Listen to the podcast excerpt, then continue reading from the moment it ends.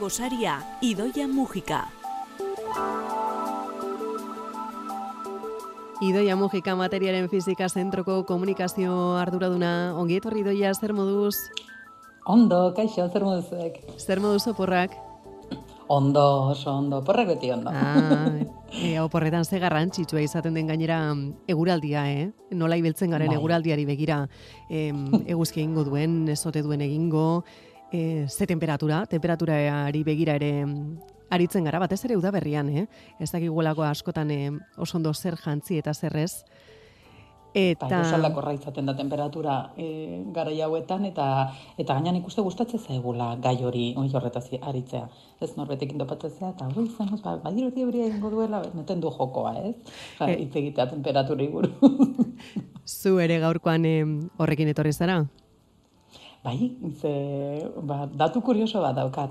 Hola, botako dizu eta ber, Ea, bota, asmatuko bota. zenukete, Euskal Herriko lekurik hotzena zein izan dan egun hauetan.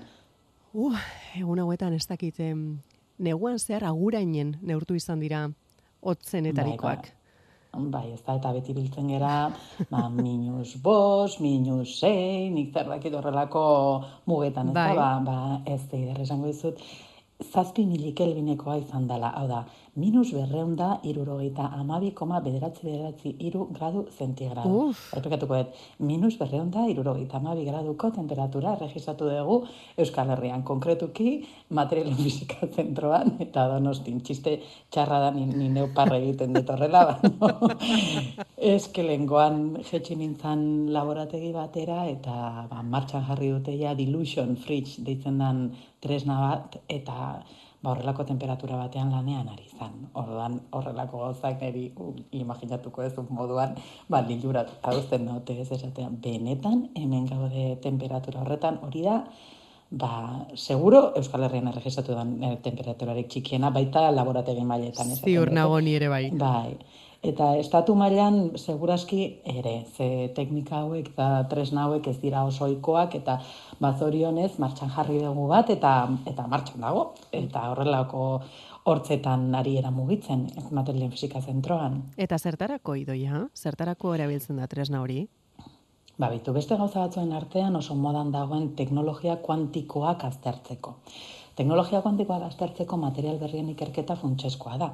Ba, az, azken finean, printzipio kuantikoetan oinarritutako teknologia garatzeko, ba, hor barne, konputazioa, komunikazio kuantikoa, ba, benetan mm, baldintza oso ekstremoak behar izaten dira, ez? Lasaiago esplikatuko dizuet zer dan kuantika, baina zuek euki buruan hitz hori modan jarri dela, bueno, modan jarri dela. Ja, egun tasunean sartzen ari dela, ba, albistetan ikusiko dezue, e, baten, ba, baten batek entzungo du, entzun eukiko du ja, ba, ordenadore kuantikoak e, iraultza bat ekarriko dutela teknologian, eta bar, orduan hitz hori gutxinez euki behar dugu eskura, ez?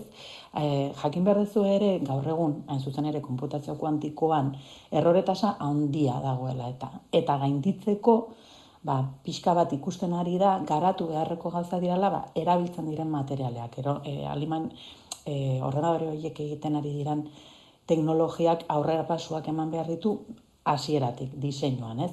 Orduan, hilburu hori lortzeko eh, ikerketa esperimentala behar da, eta ikerketa esperimental hori egiteko baldintza horiek behar dira, behar da nolabait materia oso oso oso oso hotz eta horrekin esan nahi dut oso oso oso oso geldirik egotea.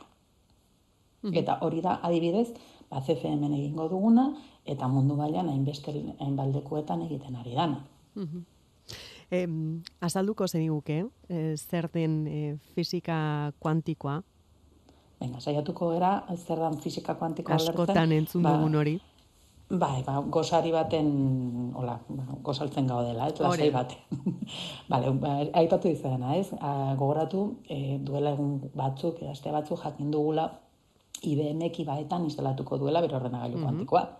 Bale, hori buruan auki, ze gertatzen ari da, eta ja donostia dator, eta berrogeita lau milioi euro e, inbertituko dira bertan, ez? Bale, ba, fisika klasikoa, e, Newtonena adibidez, baten baten gogoratuko du, oso ondo esaltzen zituen mundu makroskopikoan gertatzen ziren gauzak. Hau da, planeten mugimendua, edo agian gogoratzen dituzue ba, batxilergoa ikastean, edo beharren hezkuntzan, ariketa horiek fizikakoak e, gorputz bat, malda batetik erortzen da, baina beti ere ikusten genituen gauzenak, ez? Tamaina konkretu bat zeukatenak. Newtonen legeekin hor mugitzen ginen ondo eta horre ikusi genezaken ba, betiko problemak, ez? Bi tren kontrako norantzan doaz, bla, bla, bla, erekita guzti horiek Newtonen e, ekuazioekin askatu zitezken. Bale, ba, mundu nano metrikoan edo asko txikiago dan munduan sartzen zeranean ekuazio horiek ez dute balio. Eta fisika kuantikoa sortu zen. E, nere ustez fisika kuantikoa izan daiteke giza adimenaren lorpen handienetako bat. Ba, zergatik, ba, benetan fenomeno natural gehienak edo guztiak ezagutzen ditugunak ulertzeko funtsesko oinarri bat dalako. Ba, bere garaian fisika klasikoa izan zen bezala, baina fisika klasikoa esan dezakegu ba, pixka bat kuantikaren muga bat dala. Ez mm klasikarekin ezin ditu gauza guztiak asaldu. Ba, egia da ere gero kuantika ezin dala aplikatu kasu guztietan. Orduan biak batera doaz, baina kuantikoa ba, laguntzen digu atomoa, loturak, molekulak, argi partikulak, energia, e, elkarre eragina, materia guztia azaltzen. Eta gaur egun ba, ekuazioiek behar ditugu bai eta bai. Idei nagusia, edo behintzatola buruan estanda egin ziena jendeari fisika klasikoan e, jakina, jakindu, jakinduak ziren jendeari, ba, ideia funtseskoa zan azan, partikulak, aipatu dizkizu edanak, ba, elektroia bera, e, nizerraki fotoi bat, ba, izen horiek bakizue ba, partikulez osatuta dagoela gure unibertsoa, uinak dirala ere. Mm Ezin ditugula bakarrikan kontsideratu gorputz bat izango balira bezala. Ba, fizika klasikoak egiten duen bezala, ez? Esaten dizula, tren bat dijoa, bale? Ba, tren bat, orduan tren bat zerbait, ba, e, kontabilizatu ezakezuna da ba, partikulekin ezin dezu hori egin. Partikulak benetan ulertu nahi badituzu, batzutan ulertu beharko dituzu, ba hori, gauza mm, eh, kontatu dezakezun gauza bat bezala, eta beste batzutan uin bat bezala. Uin bat bezala da, ba, buruan beti ekartzen deta ere bide berdina, olatu bat. Olatu bat ez da partikula bat, olatu bat uin bat da, partikula asko osatuta. Bueno, ba, horrelako zerbait gertatzen zaie e, gure partikula guztiei, partikula oso txikiak direnei. Hori buruan eukita, fizika kuantikoak ja ez ditu erabiltzen partikulei dagozkien ekuazioak, aipatutakoak, baizik eta behar dituela beste ekuazio batzuk. Eta agian izena honi botako dut, baten batek igual entzun du, Errodingerren katua. Ba, oso frikiak bazeate, kamisetak eta dana da, bueno, ba, ba funtzioaren edapena da, eta Errodingerren ekuazioak deskribatzen duena da, uinak nola mugitzen dira, ba, ba esan dakoa gorputz bat deskribatu nahi badugu, Newtonek balio dezake. Baina uin bat deskribatu nahi badugu, ja, ez, ez du balio.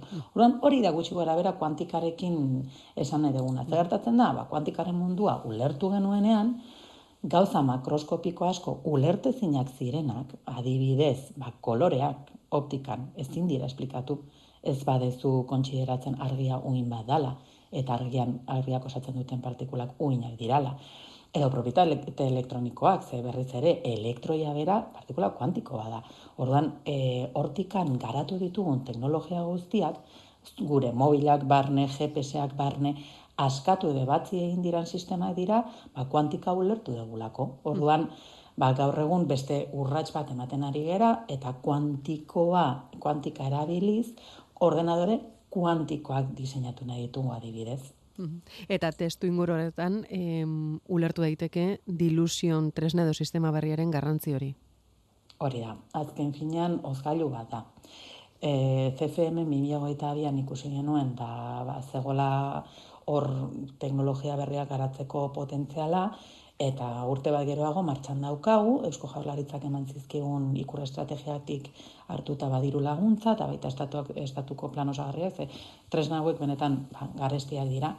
Eta haren atzean bi ikerlari, Sebastian Bergeret eta Celia Rojero. Biak CFM-koak eta biak adituak bai supereroan kortasunean, erdi horreletan, materialen diseinuan, eh, atomo atomo, eta beraiek ba, baloratu zuten eta eta ekarri genuen.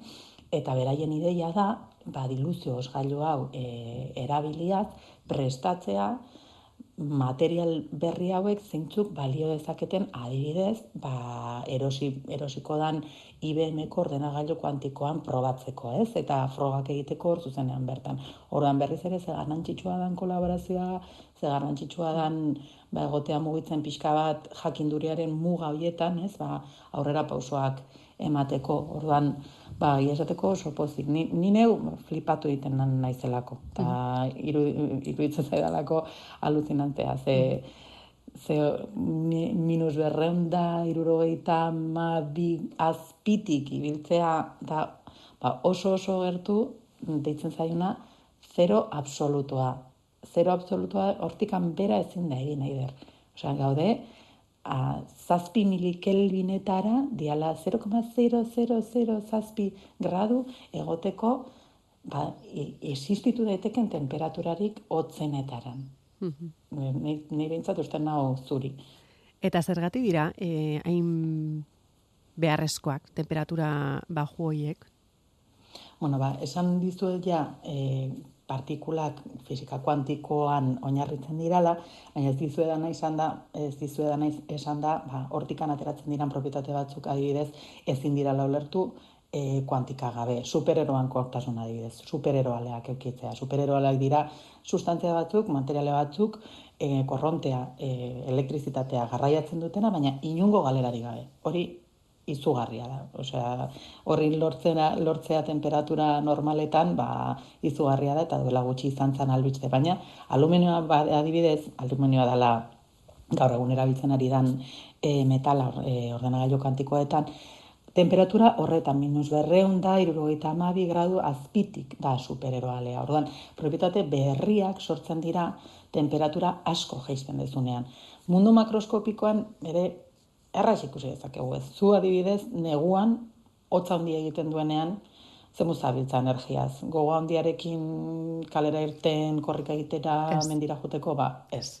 Ba, ba partikulei goza berdina gertatzen zaie. Sistemak mm, oztu egiten dituzunean, partikulen energiare gutxitzen da pila bat, eta ahalbidetzen du partikula horien nolabait geldirik daudenean, beraien propietateak asko zehatzago ez, e, ikertu alizatea. Orduan, ba, analogia litzateke hori. Ze sistemak nolai simplifikatu egiten dira eta aipatu ditugun ba, errore guzti horiek ere simplifikatu egin mm. egiten daitezke temperatura horietan. Tira ba, jarraituko dugu e, gai honi buruz e, izketan zalantzarik e, gabe. Zalantza batekin gelditu naiz, e, idoia, e, errodingerren kamisetari badaukazuzuk? baina segurazki, oza, ez, ez daude urrun ze euki izan dut. Nahi momentu enten, eta bere garaian kortinan eukanean dutxan ere tablatu dedikoa zan. Ordan, bai, arrabatu nauzu pixka bat frikismo puntu horretan. Baina, baina bai, zaiatu, ez Twitter emaldi mazadete, ez Rodinger jartzen badezu, bakatu ateratzen zaizu leku guztietatik. Ba, egun batean kontatuko dugu, ez, ez Rodingerreko katuaren historia. Idoia Mujika, eskerrik asko, besarkada bat. Zuei, ayo.